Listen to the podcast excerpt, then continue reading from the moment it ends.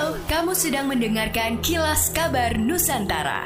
Podcast persembahan KG Radio Network menyajikan berita harian yang mengangkat keunikan dari berbagai wilayah Indonesia. Kilas Kabar Nusantara dapat juga didukung oleh pengiklan loh.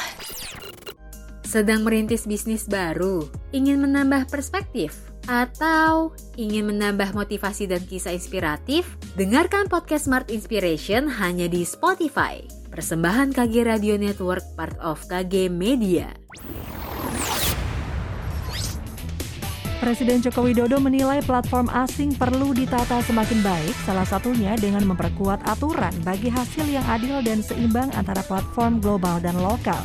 Pers Indonesia juga perlu memperbaiki kelemahan dan memperkuat ekosistem. Dominasi platform digital global sudah menjadi pembahasan di Dewan Pers dan Persatuan Wartawan Indonesia.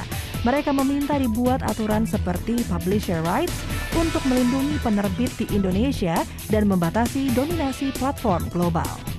COVID-19 varian Omikron mulai menyebar lewat transmisi lokal di Indonesia, tidak terkecuali di Sulawesi Selatan.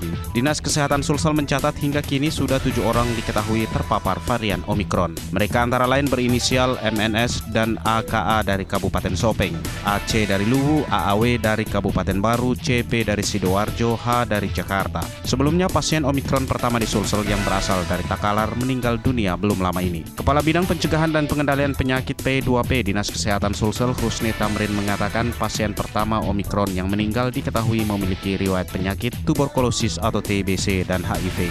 Husni mengaku pihaknya pun telah melakukan tracing kontak dengan orang terdekat almarhum. Hasilnya semua dinyatakan negatif.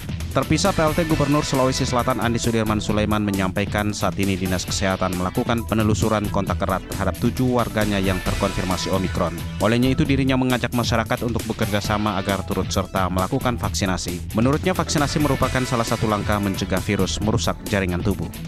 Ketua DPR RI Puan Maharani melakukan kunjungan kerja ke Sulawesi Utara pada hari Rabu kemarin, 9 Februari 2022. Dalam kunjungan itu, Puan didampingi Gubernur Sulut Oli Dondo Kambe meninjau pemberian vaksinasi bagi masyarakat umum yang dilakukan di Aula Mapalus, kantor Gubernur Sulawesi Utara. Usai melakukan tinjauan itu, Puan mengatakan bahwa baik masyarakat dan pemerintah harus saling mendukung untuk menyukseskan program vaksinasi.